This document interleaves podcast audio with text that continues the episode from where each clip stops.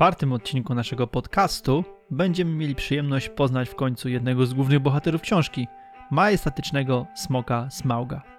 Dowiemy się także trochę szczegółów z ostatnich lat udręki wygnanego spod góry plemienia potomków Durina, po czym w końcu dobrniemy do końca pierwszego rozdziału Hobita, zatytułowanego Nieoczekiwane przyjęcie. Witam, nazywam się Maciej i będę Was gościł w uroczej gospodzie pod Zielonym Smokiem. W naszym podcaście zajmuję się przygotowywaniem oraz opowiadaniem Wam kolejnych fragmentów tekstów profesora Tolkiena. A ja jestem Kasia i moja rola polegać będzie m.in. na wsparciu językowym, zwłaszcza jeśli przyjdzie nam zmierzyć się z językiem angielskim. Zajmuję się też techniczną stroną obsługi naszego podcastu oraz mediów społecznościowych. Nie będziecie mnie tu zbyt dużo słyszeli, ale będą zawsze na zapleczu. Gospoda pod Zielonym Smokiem to miejsce przyjazne wszystkim wędrowcom i wędrowczyniom. Tutaj będziecie mogli wspólnie z nami przewędrować przez niezwykle obszerną oraz ogromnie bogatą twórczość profesora J.R.R. Tolkiena. Będziemy analizować jego teksty po kilka akapitów w każdym odcinku. Zagłębimy się w historię, poszukamy ciekawostek oraz humorystycznych wątków. Sprawdzimy też, jak nasze rodzime tłumaczenia dzieł profesora wypadają między sobą, czy też w porównaniu do oryginalnego tekstu. W naszych analizach posiłkować się będziemy w dużej mierze już istniejącymi materiałami, których ogrom, co tu dużo mówić, przeraża. Jeśli chcecie dowiedzieć się czegoś więcej o naszym podcaście, zachęcamy do zapoznania się z odcinkiem zerowym, gdzie mówimy trochę o sobie, a przede wszystkim o samej formie, inspiracji i celach naszych działań. Kończąc wstęp, zapraszamy do wspólnej wędrówki przez Śródziemie. Także zajmijcie miejsca w naszej gospodzie pod Zielonym Smokiem, otwórzcie książkę, przygotujcie sobie kufelek dobrego trunku i zaczynamy naszą podróż do Śródziemia. Przypomnę wszystkim, skończyliśmy na efektach, jakie wywołała pieśń krasnoludów. Fantastyczny moment. Dzisiaj zaś zaczynamy końcowy etap rozdziału, w którym dowiemy się wiele o historii Torina i jego rodu. Fragment ten jest tak nasycony wartościowymi informacjami, że chciałoby się czytać wszystko, niemniej muszę coś pomijać.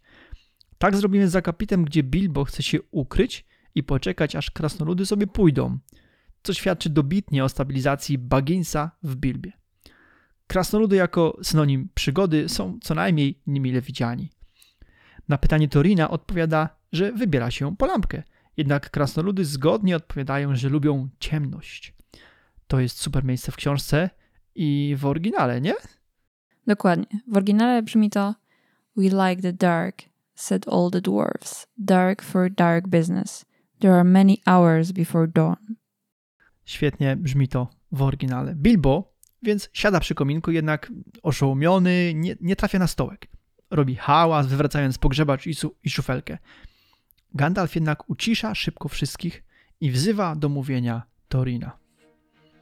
Szanowny Gandalfie, szanowne krasnoludy, szanowny panie Baggins.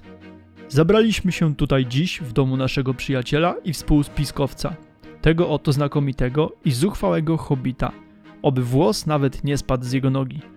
Cześć jego świetnemu winu i piwu. Mówca przerwał z braku tchu oraz dlatego, że czekał na jakąś grzeczną uwagę ze strony gospodarza. Lecz wszystkie komplementy padły w próżnię.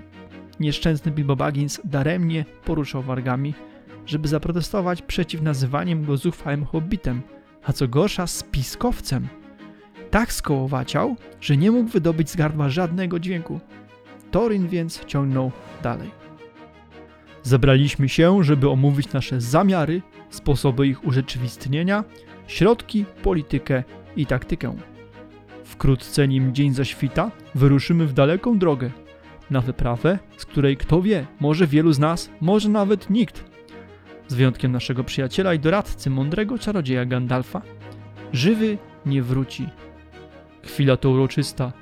Cel, jak sądzę, znają wszyscy – lecz dla szanownego pana Bagginsa i może dla najmłodszych krasnoludów. Nie pomylę się chyba, jeśli wymienię na przykład imiona dwóch, Fili i Kili. Warto pokrótce wyjaśnić aktualną sytuację. Okej, okay, słuchajcie, Gandalf wywołuje Torina, no i Torin zaczyna takim wyniosłym dworskim stylem przemawiania.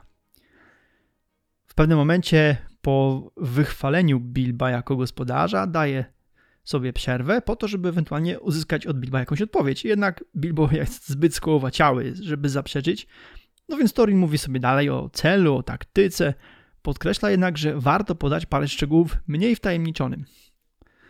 W następnym paragrafie najpierw autor zachwala styl mowy Torina, po chwili jednak skupia się na Bilbie. I tu podejmiemy tekst ponownie po ominięciu pierwszego zdania akapitu. Biedny Bilbo. Nie mógł tego dłużej wytrzymać. Przy słowach Kto wie, może nikt z nas żywy nie wróci. Bilbo poczuł, że z jego żołądka podnosi się w górę aż do gardła okropny krzyk, który też zaraz wyrwał mu się z ust, niby gwizd lokomotywy wyjeżdżającej z tunelu. Gandalf zapalił niebieskie światło na końcu swej czarnoksięskiej różdżki i w tym magicznym blasku wszyscy ujrzeli, że biedny mały hobbit klęczy na dywanie przed kominkiem i dygoce jak galareta. Wtedy Bilbo padł plackiem, wykrzykując raz po raz Piorun mnie trafił! Piorun mnie trafił! Nic więcej przez długi czas nie mogli od niego wydobyć. Podnieśli go więc i położyli na uboczu, na kanapie w salonie. Postawili kieliszek wina, zasięgu jego ręki i wrócili do narady nad swoimi ciemnymi sprawami. I zobaczcie, co się dzieje. Bilba ogarnia coraz większa panika. Traci nad sobą panowanie. Aż w końcu następuje wybuch, nie dających się już dłużej trzymać w środku narastających emocji, nerwów i skołowa cienia, którego opanowywało. Tutaj mamy też pierwszy anachronizm w książce Tolkiena. I zaraz przejdziemy do tego, co to jest anachronizm, ale najpierw cytat. Niby gwizd lokomotywy wyjeżdżającej z tunelu. A w oryginale like a whistle of an engine coming out, out of the tunnel. I anachronizm to sposób wysłowienia niedopasowany do opisywanego w utworze czasu historycznego. Jest to też pojawienie się w tekście przedmiotów czy osób nie należących do opisywanej przez autora epoki lub czasów. No i tutaj mamy lokomotywę. Nie mieliśmy lokomotywy ani w Shire, ani w całym Śródziemiu. Całe szczęście. Gandalf odpala niebieską błyskawicę. Ciekawe tu jest jedno, czy on chciał tylko szybko i gwałtownie jakby rozgonić ciemność na odgłos okrzyku, czyli e, spowodować, żeby sprawdzić, co się dzieje, czy też może dokładnie wiedział, co się dzieje z Hobbitem i uruchomił tą błyskawicę po to, żeby zamaskować zachowanie Bilba.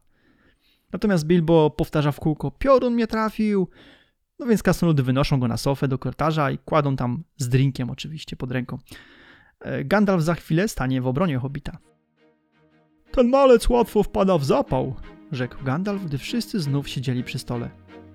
Nie ma takie dziwne ataki, ale to zuch nad zuchy, w razie czego będzie się bił jak smok.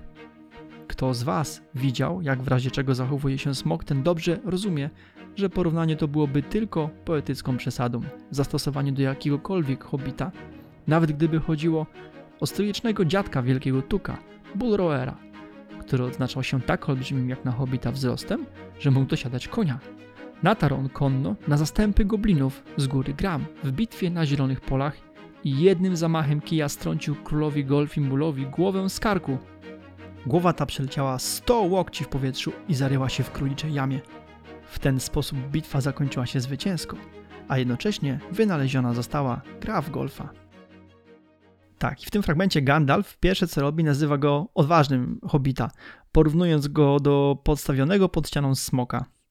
Autor wtrąca się po raz kolejny, tym razem deprecjonując słowa Gandalfa, sprowadzając je do poetyckiej przesady. No i w dalszej części narrator kontynuuje, przywołuje historię przodka Bilba od strony Tuków, Bullroera, który ponoć był tak wysoki, że mógł samodzielnie dosiadać konia.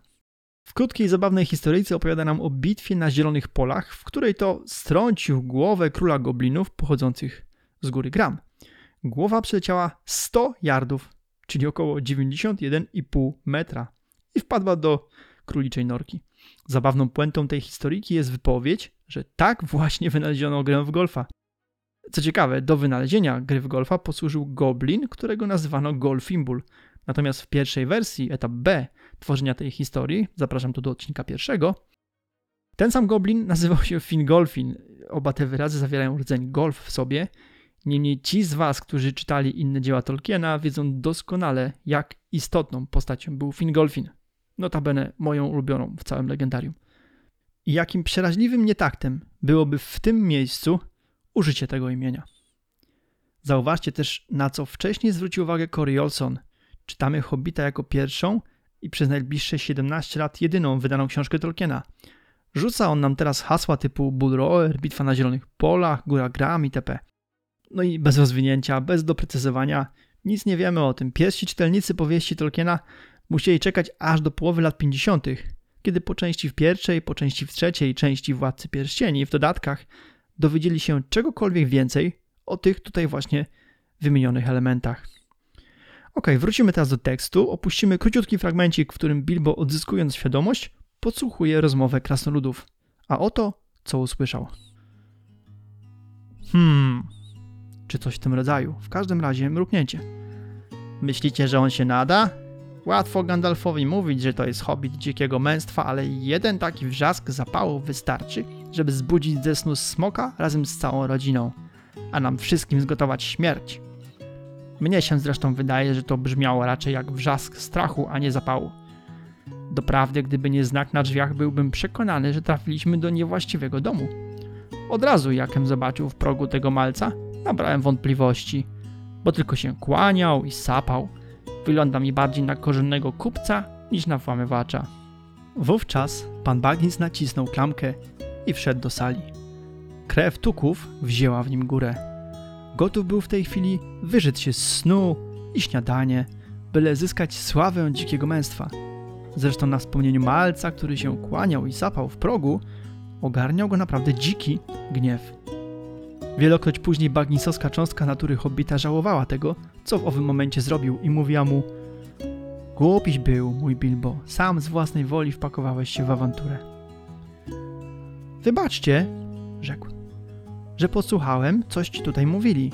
Nie rozumiem oczywiście o co właściwie chodzi i co znaczą te wzmianki o włamywaczach, ale sądzę, że mam prawo mniemać, tak się wyraził, bo chciał wystąpić z wielką godnością, iż macie mnie za niegodnego swojej kompanii. Przekonacie się sami. Na moich drzwiach nie ma żadnych znaków. Pomalowałem je świeżo ledwie tydzień temu i jestem pewien, że trafiliście do niewłaściwego domu. Od razu jakem zobaczył na progu wasze dziwne miny, nabrałem wątpliwości. Ale proszę, uważajcie, że trafiliście gdzie należało. Powiedzcie mi o co chodzi, a postaram się to zrobić, choćbym musiał stąd pomaszerować na najdalszy wschód wschodu i walczyć z robakołakami na najdalszej pustyni. Moim pra pra pra pra dziadkiem był Bullroer Tuk, to też... I tutaj w tym momencie Bilbowi przerwano, więc kończymy ten fragmencik. Kapit kończy się oczywiście tak jak to w przerwach, trzema kropkami. Dobrze, Skibniewska w swoim tłumaczeniu nie podaje, który to z krasnoludów yy, mówił te słowa. Zwróćcie uwagę, że w książce jest wiele momentów, w których wypowiedzi krasnoludów są anonimowe. Autor nie przypisuje ich żadnemu konkretnemu, używając stwierdzeń typu powiedział któryś z krasnoludów albo powiedzieli krasnoludowie. Niemniej w tym wypadku chyba nie do końca tak było. Przynajmniej nie w oryginale, prawda Kasia? E, tak, profesor nie pozostawił wątpliwości, który z krasnoludów przemawiał i tu cytując This is what he heard Gloin speaking. Hump, or some snort more or less like that. Jedyne, co było wątpliwe, to e, typ parsknięcia czy chrząknięcia. A to mamy jakieś różne typy chrząknięć i parsknięć? I tu może was zaskoczę, ale tak. Pf, pfi, hm, hump i tym podobne, choć to raczej slang niż oficjalna polszczyzna, e, to część z takich wyrazów funkcjonuje w słownikach jako wyrazy dźwiękonaśladowcze. No to nieźle, że to wszystko sprawdziłaś. Dzięki. Niemniej w oryginale to Gloin wypowiada te słowa. Nie wiemy, dlaczego Skibniewska pominęła ten moment. Podobnie zrobiła Breiter Ziemkiewicz, natomiast Polkowski użył sformułowania głos należał chyba do Gloina. Ciekawe jest, że w późniejszych czasach Gloin stanie się jednym z, najwiersz, z najwierniejszych przyjaciół Hobbita. Tak, to prawda. Ale co by nie było, ta wypowiedź mocno podważa jakość Bilba jako tego potencjalnego czternastego członka wyprawy. A już słowa, w których Krasnolud porównuje Hobbita do korzennego kupca, no, przelewają czarę. No i co się dzieje? Odpala się tuk. Czyli kolejny raz czynnik zewnętrzny przełącza Bilba na bardziej tą awanturniczą i żonną przygód wersję. Bilbo za wile, ale bardzo rzeczowo przechodzi od przyznania, że nie jest tym, którego szukają, do momentu, w którym mimo wszystko jest gotów podjąć się wyprawy. Hobbit neguje istnienie znaku na drzwiach, przecież sam malował je tydzień temu. Ale co ciekawe, jest gotów walczyć z robakołakami na najdalszej pustyni. Ten fragment, skądkolwiek pochodzi wiedza Bilba o robakołakach i najdalszej pustyni, jest pozostałością po etapie A i B oryginalnego manuskryptu. Jak zauważył Ratliff w The History of the Hobbit, Tolkien pisał w nich o chińskich smokach, o pustyni Gobi. To jest pustynia leżąca w większości na terenie Mongolii, częściowo na terenie Chin, no i Hindukuszu, czyli paśmie górskim leżącym na granicy pakistańsko-afgańskiej. Widać bezsprzecznie w tej pierwszej wersji opowiadanej dzieciom zamieścił on realne geograficznie miejsca i nazwy, stopniowo w kolejnych wersjach od nich odchodząc. Powszechnie wiadomym jest, że Tolkien coraz bardziej kierował się w stronę stworzenia skrajnych hobbitów, pierwowzoru geograficzno-społecznego Anglii.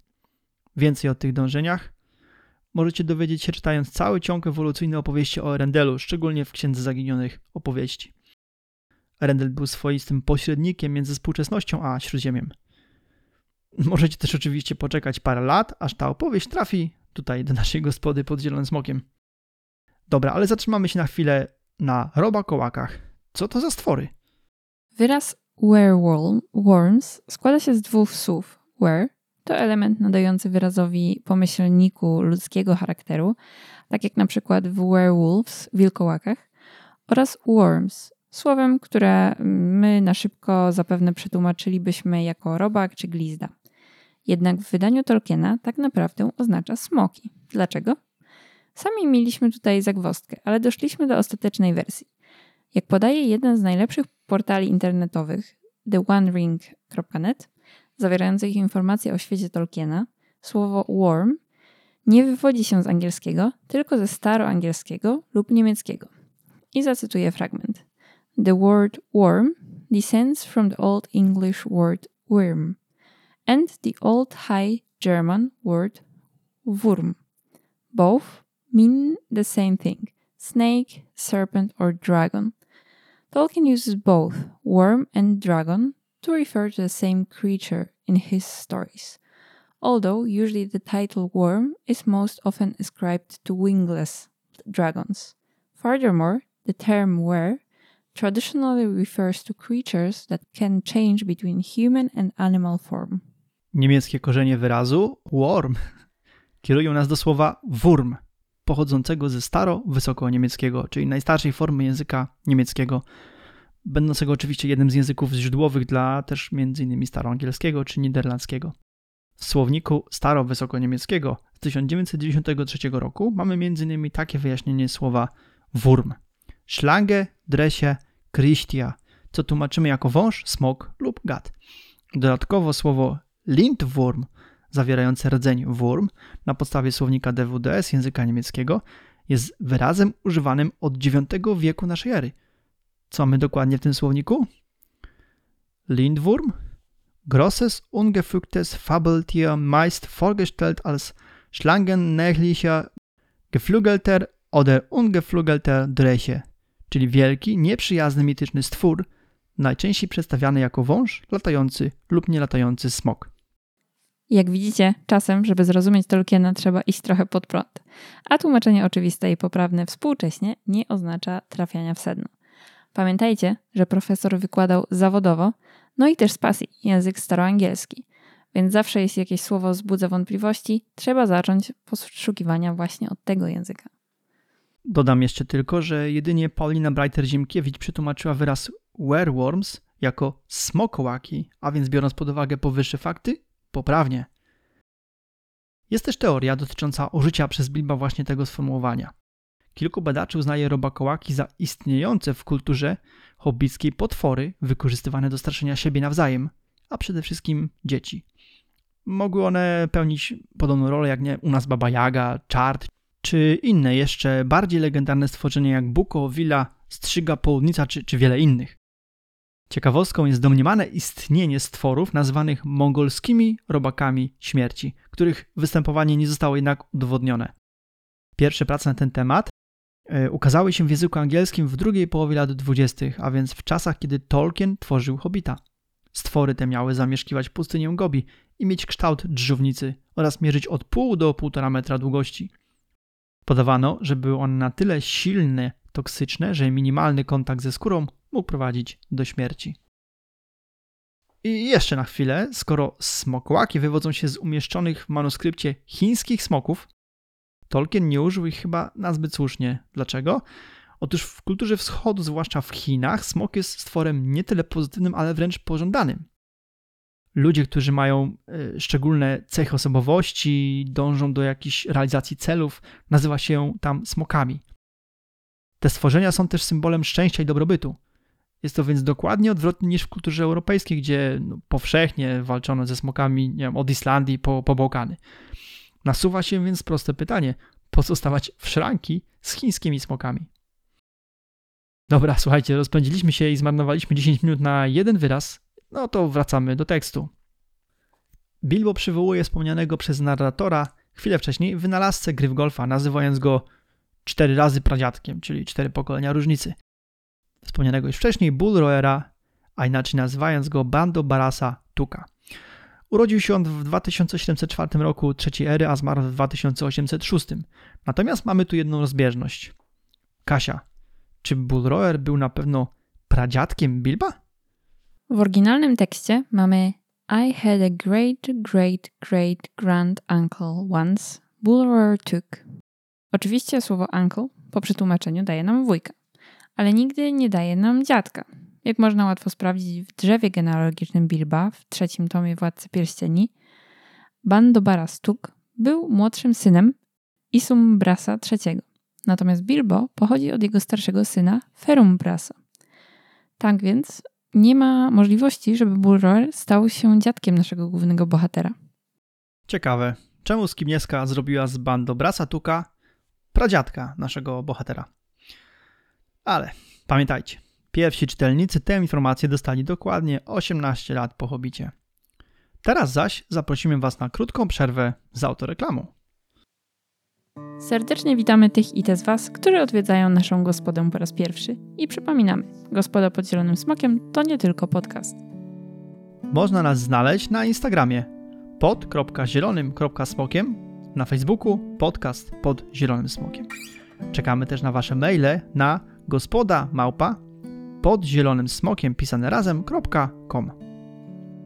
Jeżeli podoba Wam się to, co tutaj robimy, zachęcamy do wystawienia nam najlepiej pozytywnych ocen i komentarzy oraz do zasubskrybowania kanału. Zachęcamy również do rozszerzenia naszej społeczności.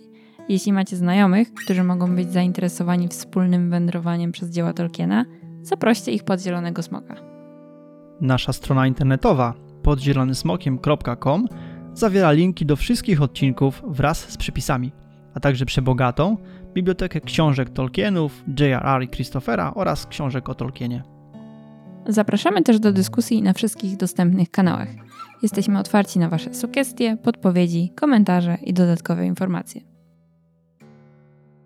Wracamy do książki. Mamy teraz fragment tekstu, którego nie będziemy czytali. Krasnolud, wiemy już, że to Gloin, przerywa Hobbitowi oraz dokładnie opisuje znaki, jego treść oraz sposób, w jaki krasnoludowie ten znak namierzyli.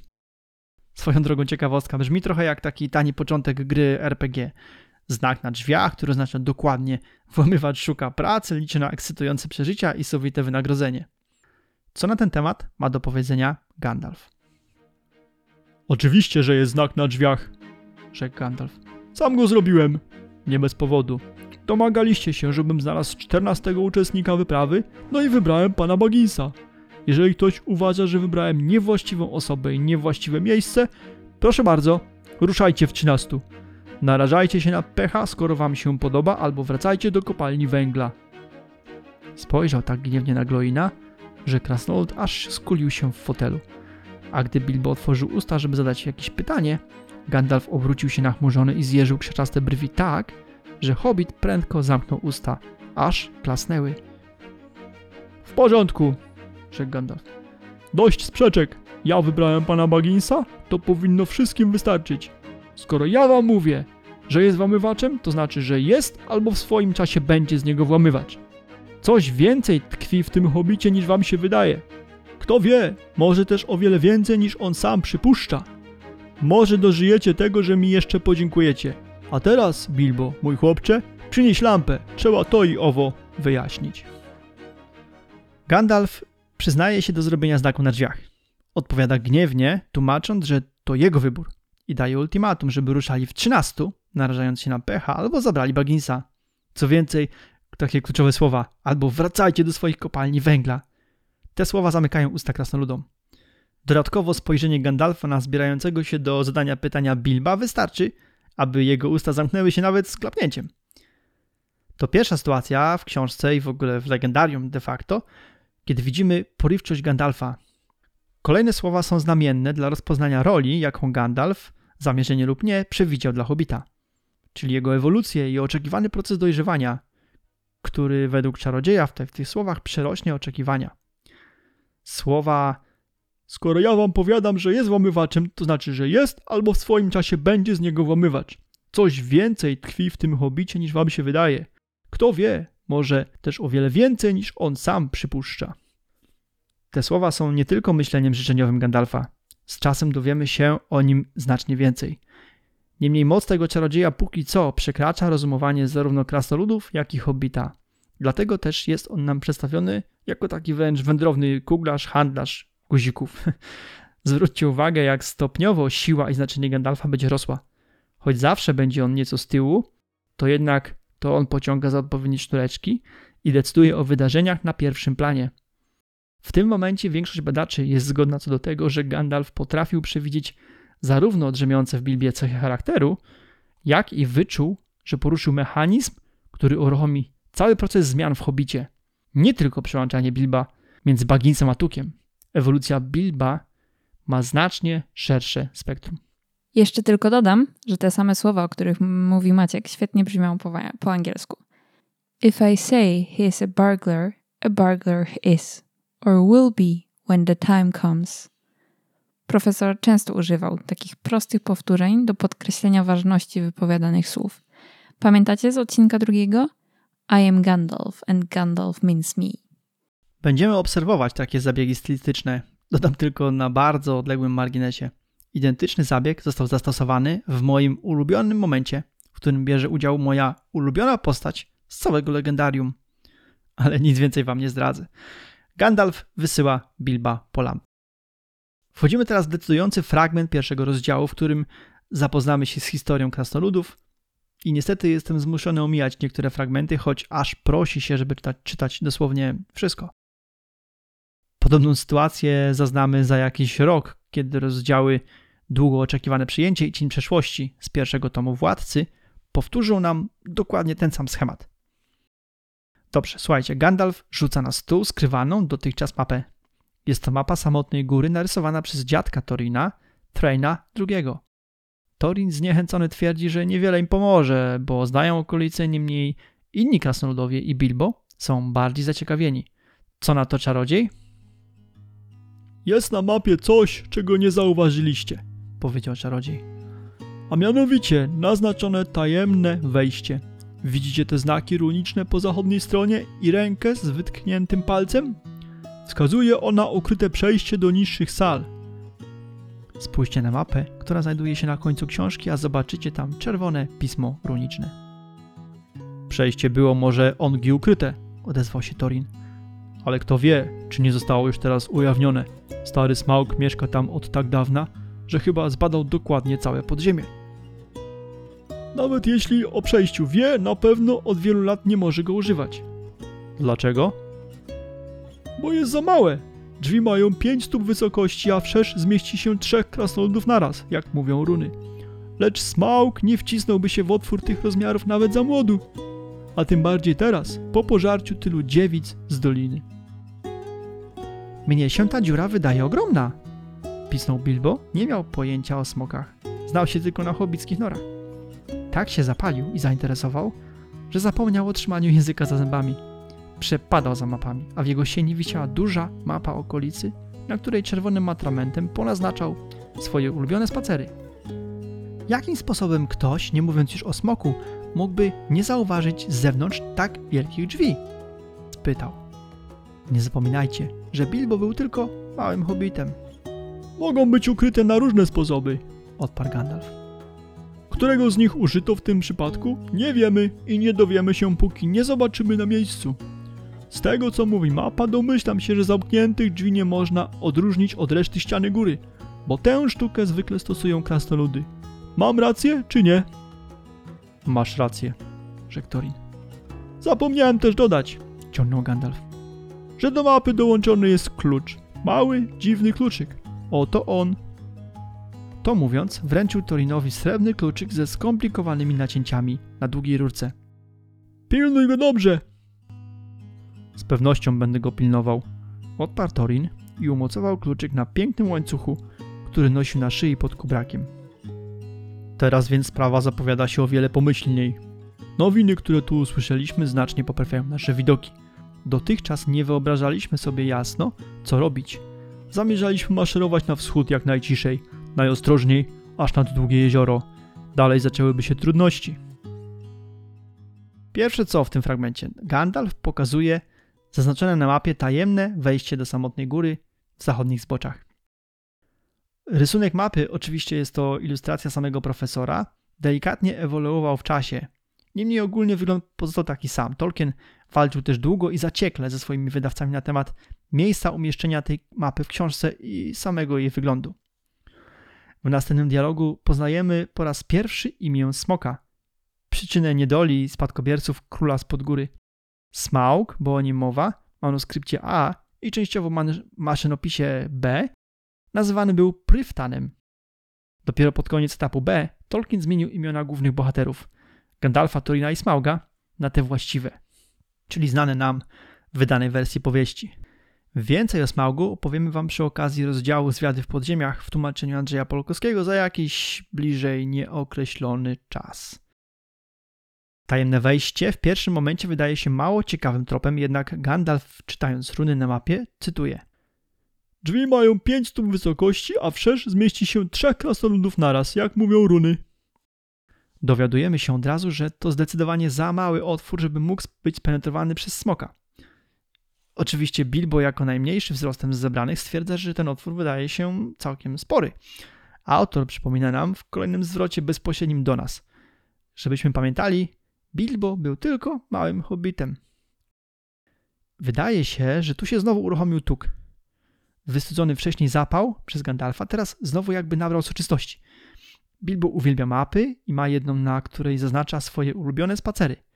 I koniecznie czerwonym atramentem taki typowy tolkienowski żarcik.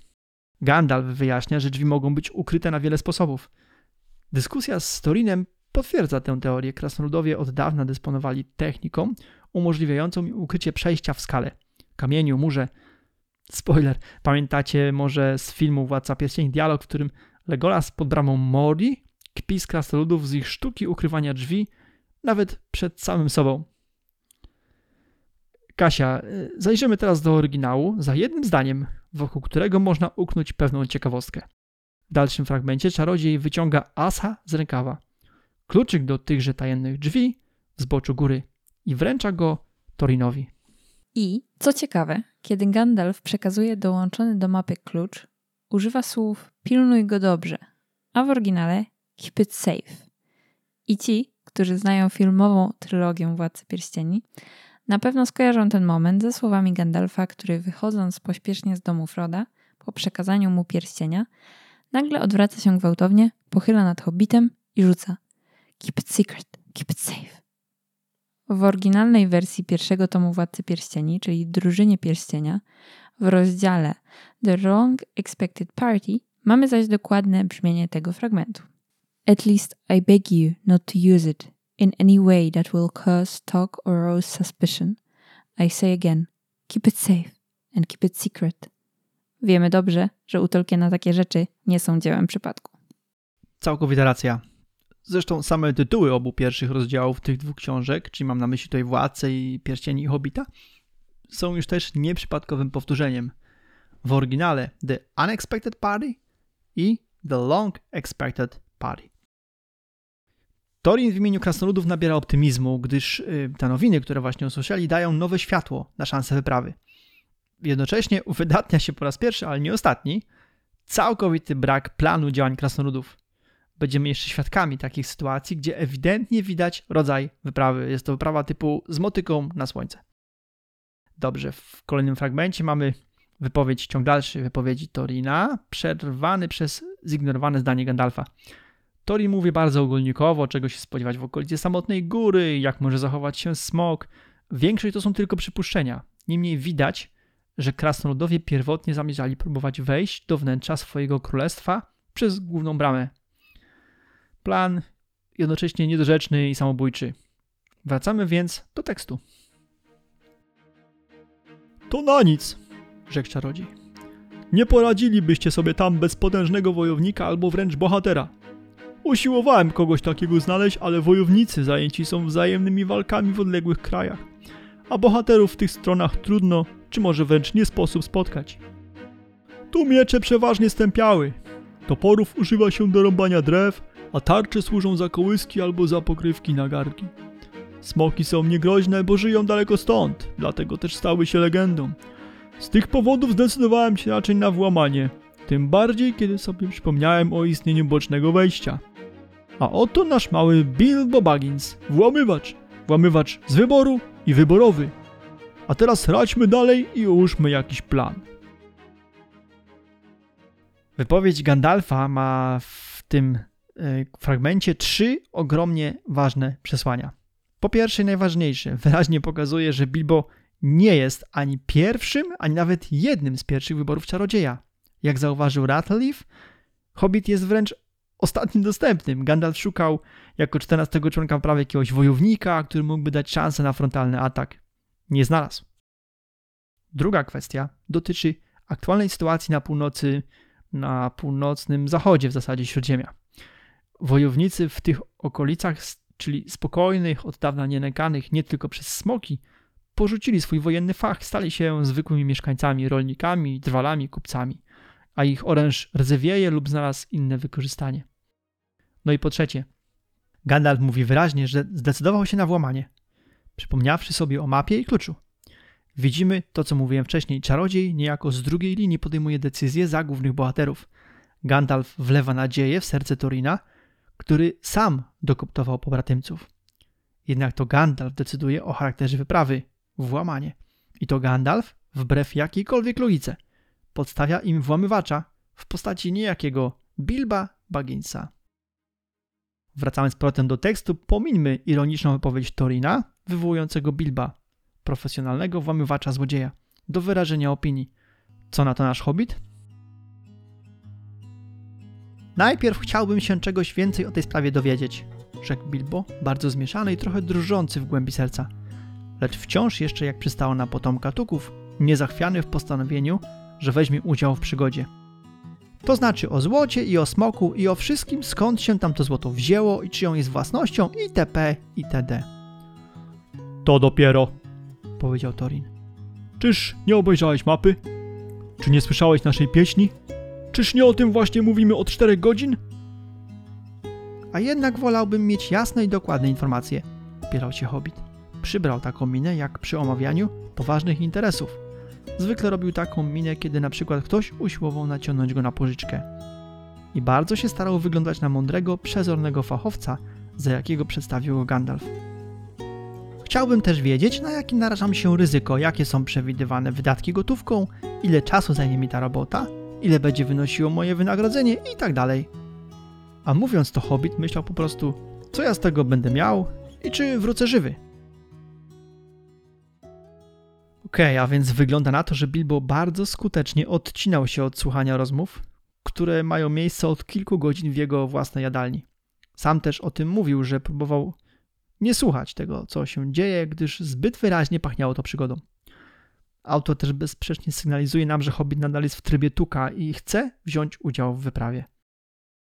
Thorin zdziwiony pyta zresztą o to samo, co my przed chwilą. Czy Bilbo jest głuchy?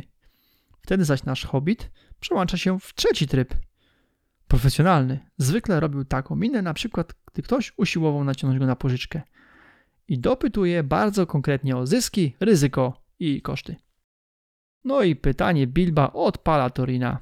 W następnych fragmentach poznamy dosyć szczegółowo historię utworzenia i upadku Królestwa spod góry. Fragment na tyle bogaty w treść, iż pozwolę sobie na pominięcie dosłownie tylko kilku zdań. Niemniej podzielę go na parę części. Zaczynajmy. No, więc słuchaj, powiedział Torin.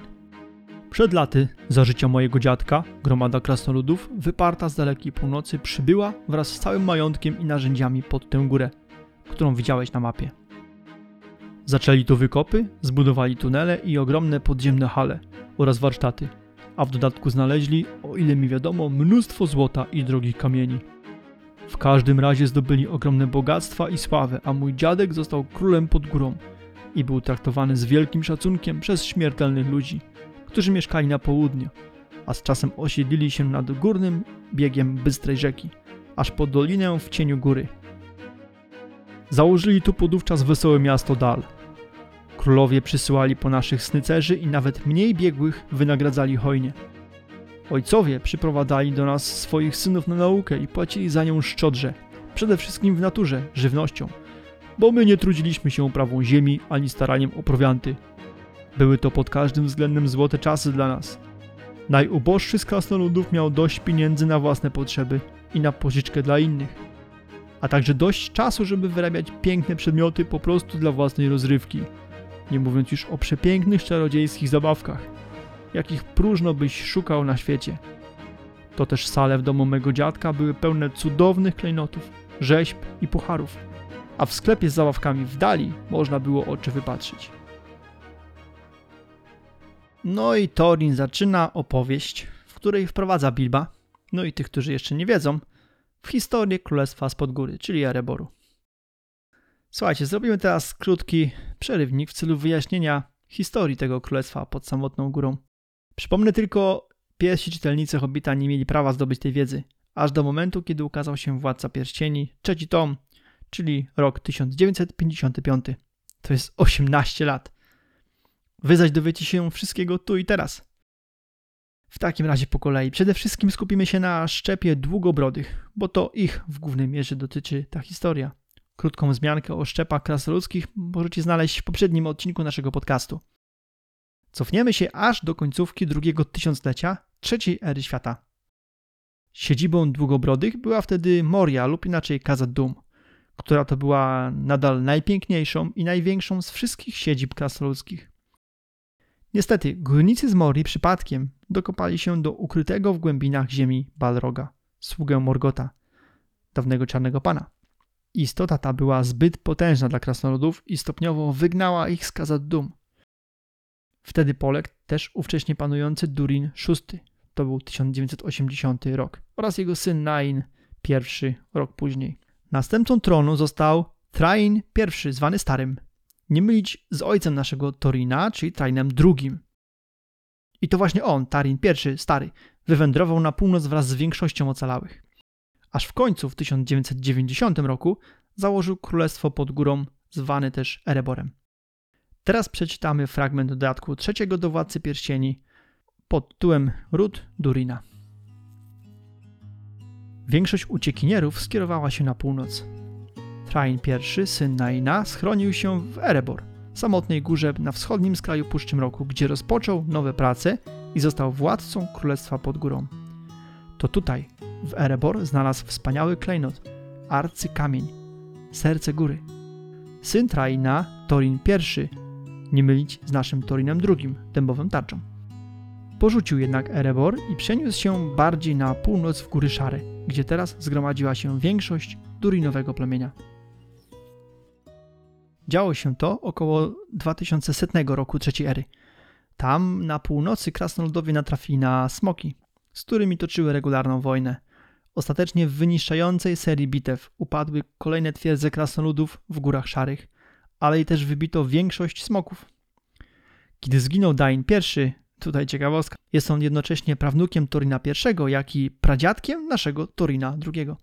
Wszystkie krasnoludy z północy podzieliły się na dwie gałęzie, obie nadal utrzymujące królewską, męską linię potomków. Gror, najmłodszy syn poległego Daina I, powędrował w kierunku Żelaznych Wzgórz, gdzie założył kolejną prężnie działającą siedzibę długobrodych. Natomiast najstarszy syn Daina I, Tror, dziadek Torina Dębowej Tarczy, naszego bohatera, jedynie powrócił do królestwa pod górą i je niejako odnowił. Działo się to około roku 2600 trzeciej ery. Jak wiemy też Smaug, najprawdopodobniej ostatni żyjący przedstawiciel rasy smoków w Śródziemiu, zaatakował Erebor w 2770 roku. Wtedy to też nieliczni ocaleni krasnoludowie, ale w tym król Thror i jego syn Train II oraz Torin II, czyli nasz główny bohater, uciekli z północy. Przenieśli się oni na zachód w góry błękitne, leżące praktycznie na brzegu morza. Tam też wiedli życie na wygnaniu, ciężką pracą stopniowo odbudowując swoją pozycję oraz jakikolwiek majątek. Dobra, tyle tej pobocznej historii na teraz. Po więcej szczegółów zapraszam m.in. do podcastu Gotriego, także na YouTubie. Link podłączę do przypisów, a przede wszystkim do wymienionego wyżej dodatku trzeciego do Władcy Pierścieni. Tyle na razie o tej historii. Wracamy teraz do analizowanego fragmentu tekstu. I jak mówił tutaj Torin, okres dobrych czasów Ereboru poskutkował też założeniem osady Dale i rozwojem regionu. Współpraca między krasnodami a ludźmi kwitła, handel wymienny, tutaj wyraźnie było powiedziane, że żywność za wytwory rąk krasnoludzkich. Fajnie opisane zdanie, do czego prowadziło bogactwo. Mieli czas, żeby tworzyć piękno dla samej przyjemności tworzenia. Po prostu idealne życie. Można tworzyć coś dla przyjemności tworzenia, a nie po to, żeby zarabiać i mieć na utrzymanie rodziny. Ok, motyw zabawek jest to taki element narracji skierowany ewidentnie dla młodszego odbiorcy.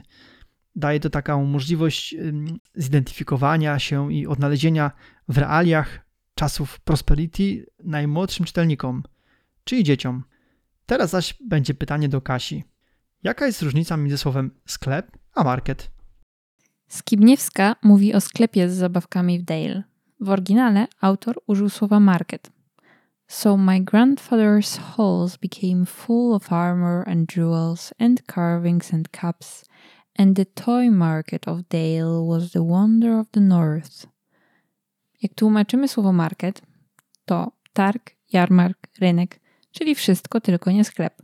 Ogólnie rzecz mówiąc, jest to dużo więcej niż sklep. Więc występuje tutaj mm, trochę niespójność tłumaczenia. Nie da się ukryć, że słowo targ brzmiałoby lepiej.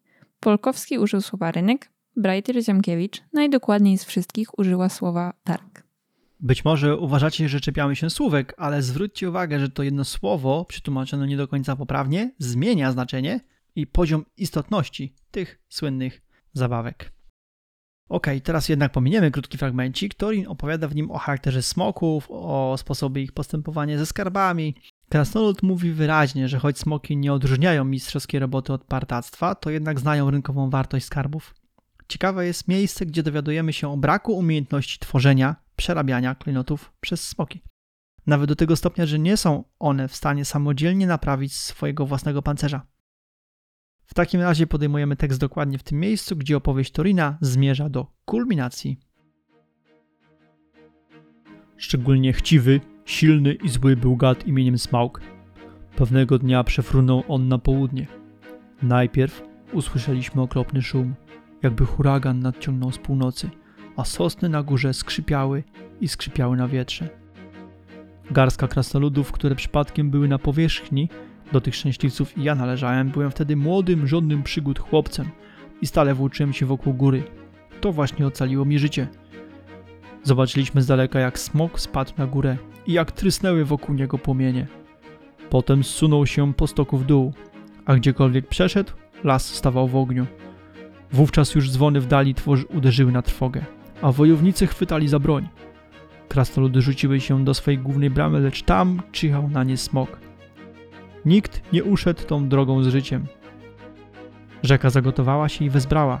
Miasto przesłoniła mgła, a pod jej osłoną smok zbliżył się niepostrzeżony i wymordował większość wojowników. Zwykła, nieszczęsna historia, aż nazbyt pospolita w tamtych czasach. Smok zawrócił do głównej bramy, wpełznął do środka, splądrował wszystkie hale, uliczki, tunele, zaułki, piwnice, mieszkania i korytarze. Nie został we wnętrzu góry ani jeden żywy krasnolud, a smok zagarnął wszystkie bogactwa. Prawdopodobnie zwyczajem smoków zgromadził je w najgłębszej jaskini, spiętrzył na kupę i sypia na górze skarbów niby na łóżku. Odtąd nieraz wypełzał przez główną bramę i nocą napadał na Dae, porywając ludzi, a szczególnie dziewczęta, by je pożreć.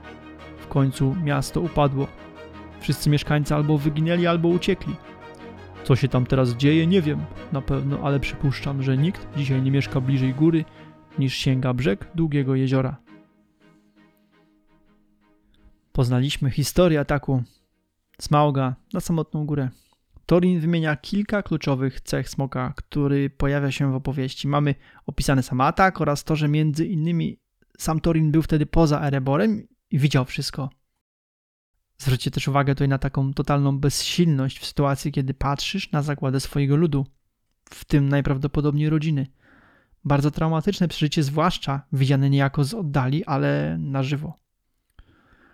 Krasnoludy próbowały stawiać opór, ale smok był zbyt silny, do tego bardzo przebiegły i inteligentny.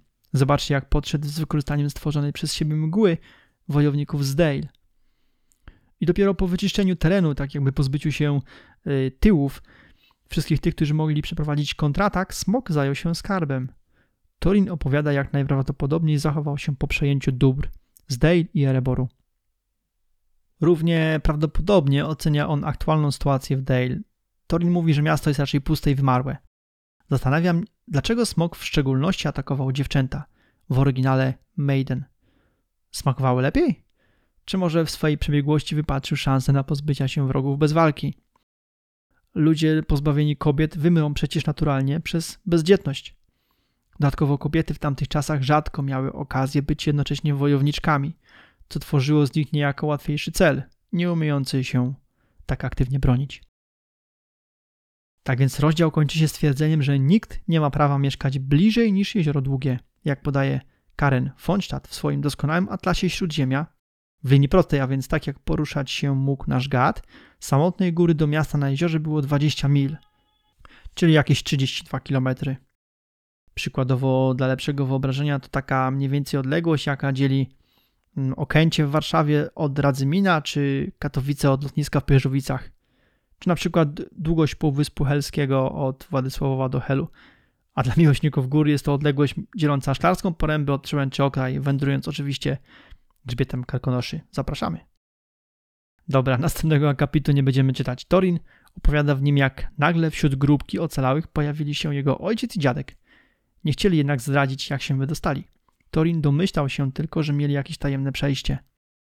Oczywiście krasnoludowie wywędrowali i pędzili życie na wygnaniu, parając się kowalstwem czy nawet prostym górnictwem, żeby wyjść na swoje. Zobaczcie, jakie to musiało być upokorzenie dla przecież z natury dumnych krasnoludów, a przede wszystkim dla potomków linii królewskiej. Musieli stać się zwykłymi robotnikami i mozolnie odkładać zarobione grosze, żeby zwyczajnie przeżyć. Gdzie jeszcze przecież niedawno żyli w jednym z najbogatszych królestw Śródziemia.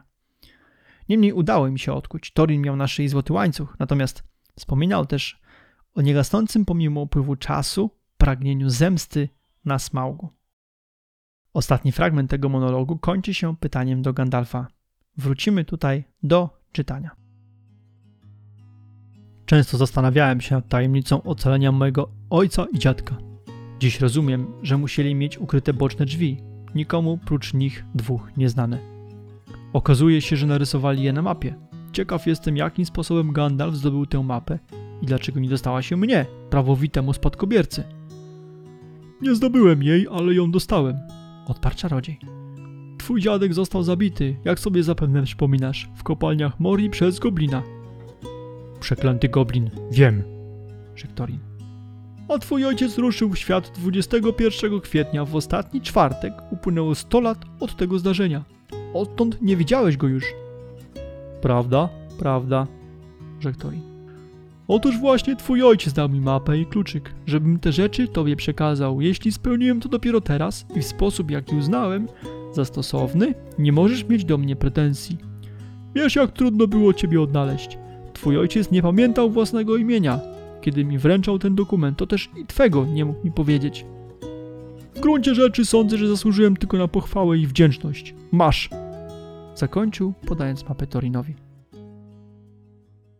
No i w tym fragmencie najpierw Torin nagło zastanawia się, skąd mapa trafiła w ręce Gandalfa i dlaczego właśnie w jego ręce, a nie, nie w ręce Torina. Zauważcie, jak szybko ten krasnolud nabiera wrogiego tonu w tej swojej wypowiedzi. Brzmi to prawie tak jak pytanie groźba w stronę czarodzieja. Natomiast Gandalf w serii wymienionych historycznych faktów przypomina mu historię jego ojca i dziadka. I zupełnie przypadkowo, zobaczcie, Train, drugi ojciec Torina, wyruszył na swoją ostatnią wyprawę, dokładnie 100 lat temu, licząc od zeszłego czwartku. Mam wrażenie, że Tolkien zastosował tu charakterystyczną dla siebie ironiczną historyjkę, wypowiedzianą ustami Gandalfa.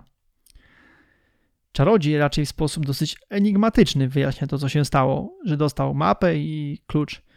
Zauważcie, że Gandalf poczuł się urażony pretensjonalnym i podejrzliwym tonem Torina. Na sam koniec podaje mu mapę, rzucając zwykłe, wręcz takie prostackie masz. Brzmi trochę jak spadaj krasnalu. W następnym zdaniu Torin zadaje pytanie, które mam wrażenie chcieli zadać wszyscy, włącznie z naszym hobbitem. A brzmi ono: Nie rozumiem. Gandalf niechętnie, z mieszanką ignorancji i złości, odpowiada. Twój dziadek, Odparł czarodziej zwolna i gniewnym głosem. nim poszedł do kopalni Mori, oddał dla bezpieczeństwa mapę synowi. Twój ojciec po śmierci dziadka ruszył szukać szczęścia i wziął mapę ze sobą. Przeżył wiele bardzo przykrych przygód, nigdy jednak nie zdołał dotrzeć w pobliże góry. Nie mam pojęcia jak się tam dostał, ale spotkałem go jako więźnia w lokach czarnoksiężnika. A cóż ty tam robiłeś? spytał Torin ze zgrozą, a wszystkie krasnoludy zadrżały. To już niech cię nie obchodzi. Jak zawsze czegoś szukałem. Była to paskudna, niebezpieczna wyprawa. Nawet ja, Gandalf, ledwo się uratowałem. Chciałem ocalić twego ojca, ale już było za późno. Postradał rozum, majaczył, zapomniał niemal o wszystkim prócz mapy i kluczyka. Dawno zapłaciliśmy goblinom z Mori, rzekł Torin. Trzeba by pomyśleć i o czarnoksiężniku. Nie mów głupstw! To ponad siły wszystkich krasnoludów razem wziętych. Nawet gdyby udało się zebrać rozproszonych na cztery wiatry z powrotem do gromady. Jedynym życzeniem twego ojca było, żebyś odczytał mapę i użył klucza. Smok i góra to zadanie i tak za wielkie na twoje siły. No i dowiadujemy się tutaj, że Tror nie chciał dłużej żyć na wygnaniu. Oddał skarby rodowe, mapę, kluczyk i pierścień swojemu synowi Trainowi. Wyruszył zaraz potem w kierunku Mori. No i zrobimy teraz marginesik szybciutki. Otóż kiedy dotarł do kopalni, został bestialsko zamordowany przez Azoga, wielkiego orka, przywódcę goblinów z Mori. Azog odciął głowę krasnoluda i wypalił na czole swoje imię, czyli Azog. Król krasnoludów nie był sam. Wyruszył na wyprawę z Narem, swoim pobratymcem i serdecznym wiernym sługą i jednocześnie przyjacielem. Nar na widok tego czynu Azoga chciał zabrać głowę swojego władcy i dokonać godnego pochówku. Jednak orki przegoniły go spod bramy Mori. Zrozpaczony krasnolud wrócił do Traina i przekazał mu wieści o tej haniebnej zbrodni. Doprowadziło to do bardzo ciężkiej wojny krasnoludów z goblinami, która trwała od 2770 do 2799 roku.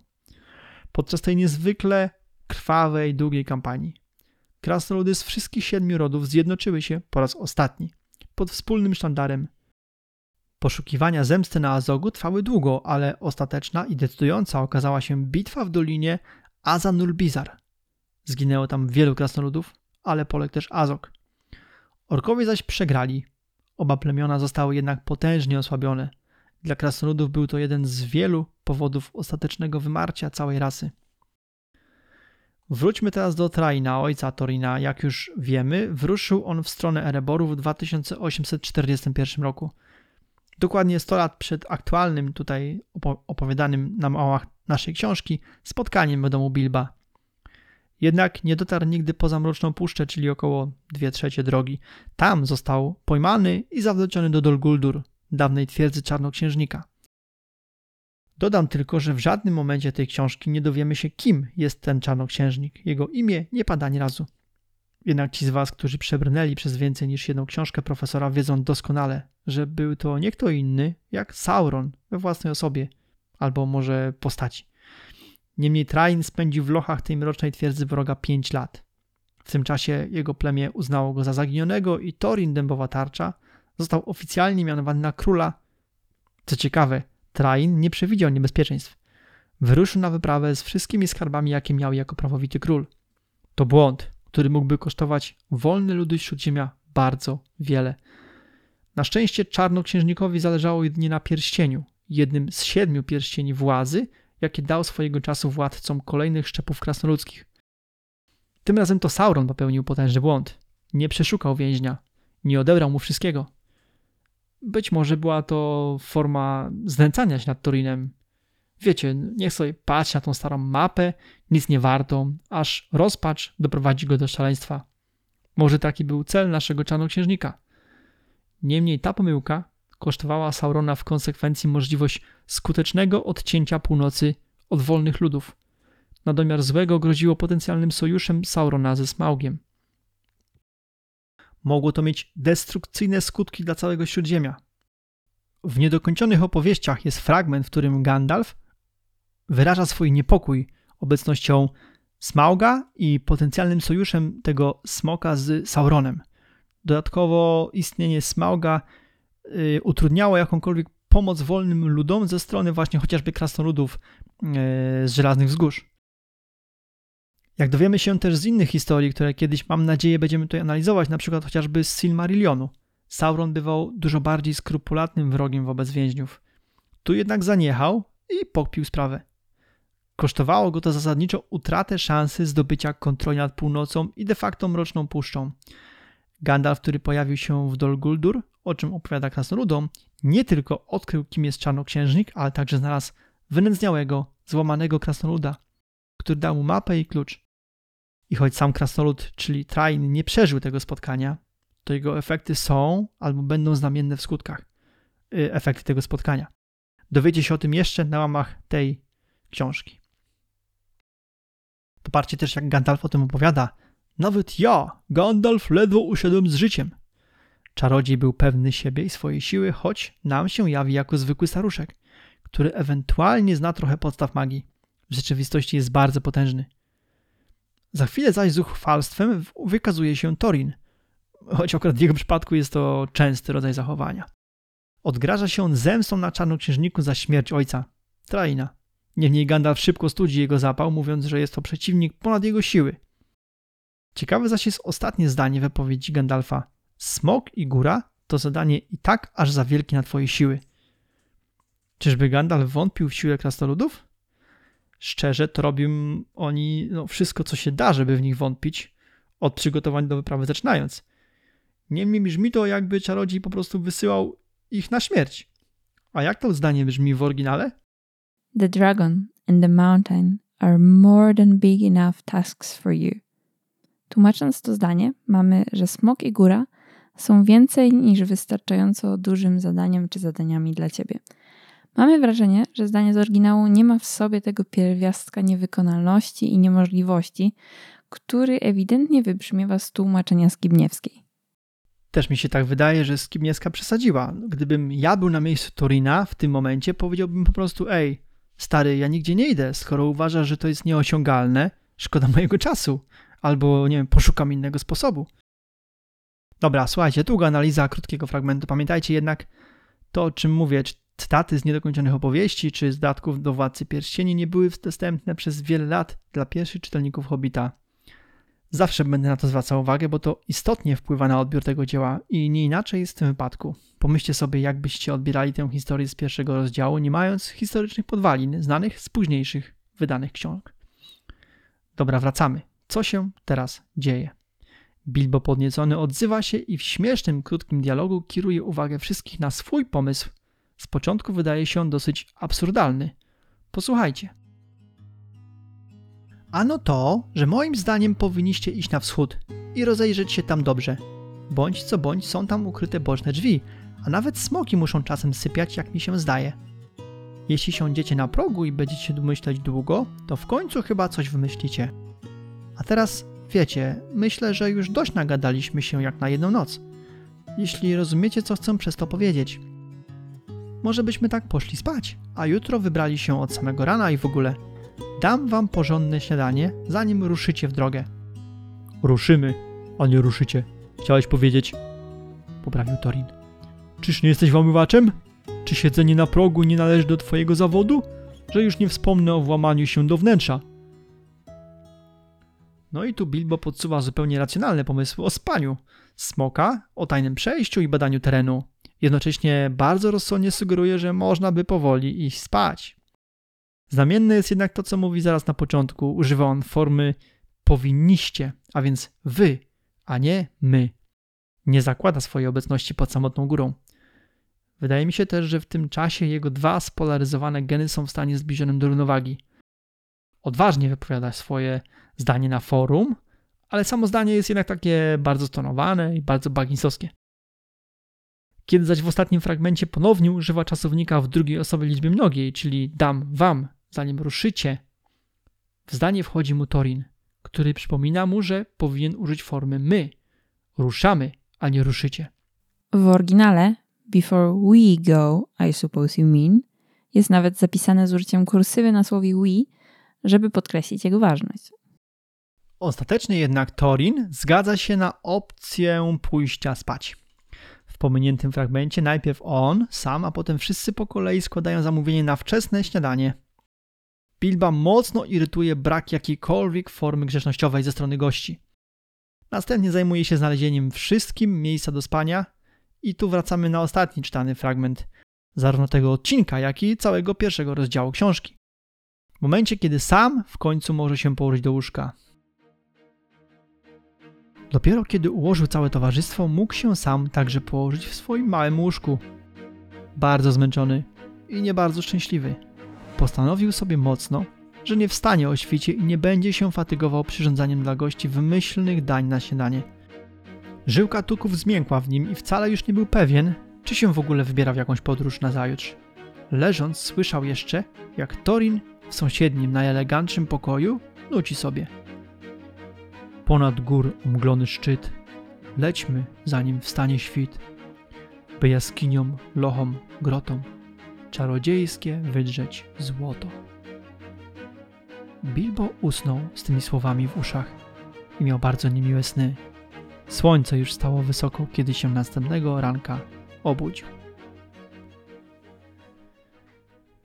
Oczywiście Bilbo w wnętrzu własnej głowy, zmęczony, buntuje się na myśl o wczesnym wstawaniu i szykowaniu śniadania. Autor sam sugeruje w tym momencie wycofanie genu Tukowskiego. Hobbit nie jest już pewny, czy chce uczestniczyć w tej wyprawie. Jednak kiedy już leży, słyszy z za drzwi główną zwrotkę pieśni krasoludów w wykonaniu Torina. Kolejny zaś raz ja sam osobiście mam dreszcze na te genialne słowa, a w głowie mam cały czas wykonanie Andy Serkisa, który jest lektorem audiobooka książki Hobbit. Mega moment, mega moment.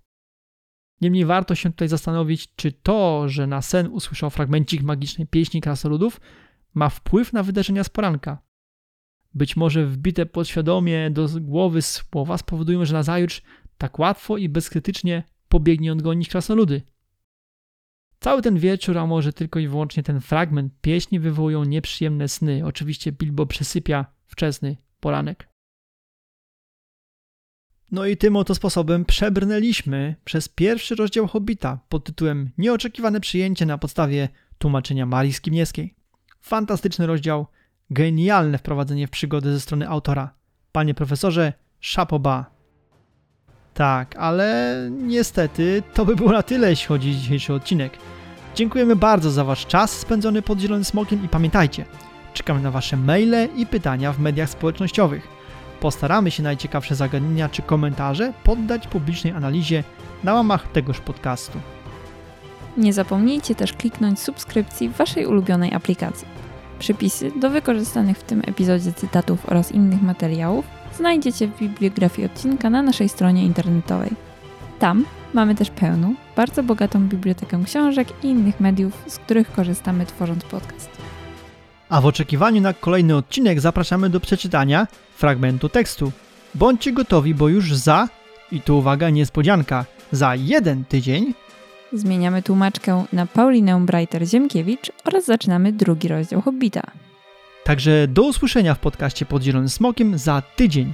Jak mówił Gandalf, niech wiatr niesie wasze skrzydła tam, gdzie słońce żegluje i gdzie przechadza się księżyc.